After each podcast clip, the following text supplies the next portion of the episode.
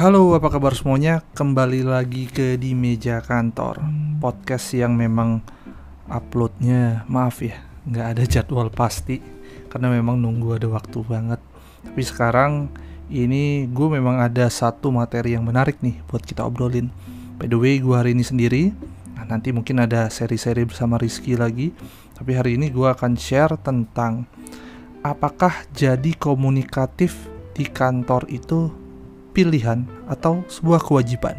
Nah, pernah nggak sih kalian itu ketemu sama teman di kantor yang memang kebetulan kerja bareng, kerja satu project, terus kalian ngerasa bahwa komunikasi bareng dia itu terbatas, sulit banget, dia responnya lama, dia responnya juga kadang nggak jelas gitu, padahal kalian sangat butuh banget informasi dari dia.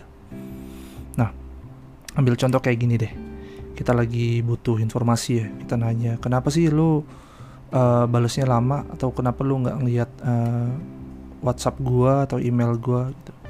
Mereka bisa jadi akan jawab-jawab hal seperti ini. Gaya kerja gua memang begini bro. Gua beda sama lo gua memang nggak komunikatif nih. Beda juga lah kalau lu kan memang orangnya komunikatif udah bawaan dari sananya. Gue emang dari kecil gini atau mungkin mereka akan bilang gue memang orangnya nggak terlalu sering ngecek chat. Gue juga orangnya nggak terlalu uh, eh, gue bukan calling person. Jadi gue juga memang eh, nggak uh, terlalu sigap uh, angkat handphone angkat handphone. Atau bahkan parahnya mereka akan bilang bahwa gue orangnya jarang pegang handphone gitu. Atau ada lagi yang bilang gue memang orangnya slow response bro. Bawaan dari dulu memang dan terakhir paling ultimate mereka akan bilang bahwa gue memang orangnya nggak komunikatif. Mau gimana? Mau lo paksain gue gimana? Gitu. Itu bikin frustasi banget. Mereka bertingkah seolah-olah mereka punya opsi untuk begitu. Nah ini dia poin pertama yang pengen gue sampaikan. Yang namanya komunikatif di kantor itu itu adalah sebuah kewajiban bukan pilihan kita sebagai teman-temannya orang-orang seperti ini tidak harus menerima orang-orang itu ketika orang-orang itu bilang memang begitu karakter dia. Kenapa? Ketika kita sama-sama dibayar oleh satu company, salah satu part kewajiban dari uh, kita dibayar tersebut adalah memberikan komunikasi sebaik-baiknya sehingga kita tidak menjadi bottleneck ketika ada project di kantor. Jadi, kalau ada orang-orang seperti itu, kalian bisa dengan lantang bilang bahwa kamu tidak boleh seperti itu. Kewajibannya memang kamu harus wajib komunikatif untuk urusan kantoran. Untuk selain urusan kantoran sih ya kita tidak harus peduli gitu mereka mau komunikatif atau enggak gitu. Tapi ketika di kantor, status kita sama-sama dibayar oleh company ini, kita harus komunikatif demi menjaga proses yang berjalan kita itu kayak rantai yang terkoneksi satu sama lain gitu loh.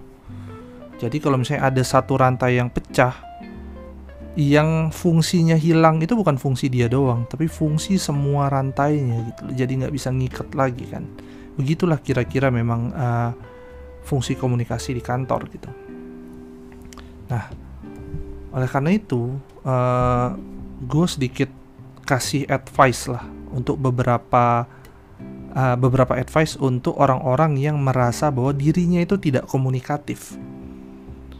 Yang pertama, ketika kamu merasa tidak komunikatif, paling tidak belajarlah menjadi komunikatif hanya untuk konteks pekerjaan. Tidak perlu memaksa diri kamu menjadi orang lain di luar konteks pekerjaan. Nah, jadi, paksa diri kamu untuk jadi komunikatif minimal hanya untuk urusan kerjaan. Yang nomor dua, belajarlah untuk menghargai komunikasi yang orang bentuk. Ketika orang menghubungi kamu dengan tujuan mendapatkan respon, responlah secepat dan selengkap yang kamu bisa. Secepatnya nih, contohnya adalah ya kalau kamu pegang handphone, ngelihat notifikasi itu muncul, ya kamu reply segera, tidak kamu tunda-tunda kalau memang kamu tidak lagi ngapa-ngapain. Terus ketika dia minta sesuatu dan itu memang tugas kamu, janganlah jawab seadanya sebatasnya because of memang itu style kamu.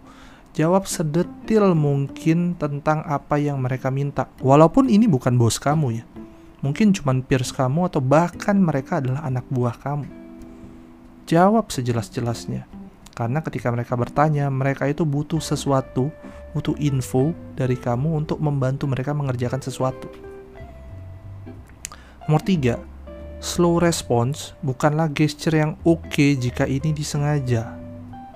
Nah, walaupun misalnya kalian bilang, oh gue nggak sengaja ya, ini memang uh, tipikal gue itu beda bukan nggak sengaja seperti itu. Kalau kamu lagi ke toilet kamu memang nggak lihat handphone itu baru nggak sengaja. Tapi kalau kamu tahu bahwa sebenarnya kamu bisa balas tapi because of disease karakter kamu kamu merasa I'm okay untuk tidak balas nah itu tetap salah slow response bukan gesture yang oke okay jika ini disengaja. Belajarlah merespon walaupun tidak memberikan jawaban yang menjawab.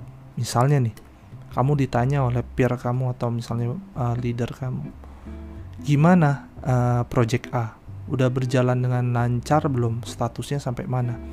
Ternyata project A ini tidak berjalan dengan lancar atau memang lagi stuck nah, ada orang-orang yang itu mendiamkan tuh tidak dibalas alasannya nanti gua memang belum punya jawabannya tidak seperti itu kalau misalnya kamu belum punya jawabannya ya tetap harus kamu reply kamu jawab dan kamu kasih tahu bahwa saya belum bisa uh, memberikan informasi lengkap terkait ini karena masih disusun datanya. Saya akan segera memberikan informasi tersebut. Jadi tetap dijawab, tidak digantung. Itu penting loh. Ya, yang nomor empat, ini yang paling ultimate nih advice dari saya. Belajarlah membuka diri karena ketika nanti kamu menjadi profesional dengan level lebih tinggi lagi, pekerjaan paling utama kamu adalah koordinasi dan komunikasi kok jadi sehingga ini mau nggak mau harus kamu latih dari sekarang kalau kamu nanti ingin terus berkembang. Gitu. Itu aja empat hal yang insya Allah kalau kalian jalani dengan konsisten ya kalian sudah jadi orang yang dengan komunikasi baik minimal gitu tolong kalau misalnya kalian ada input atau ada hal yang kurang dari apa yang saya lakukan uh, saya sampaikan hari ini bisa diskusikan kembali di semua channel uh, di meja kantor. Thank you sudah mendengar hingga detik ini dan uh, sampai ketemu lagi di seri podcast di meja kantor berikutnya. Salam.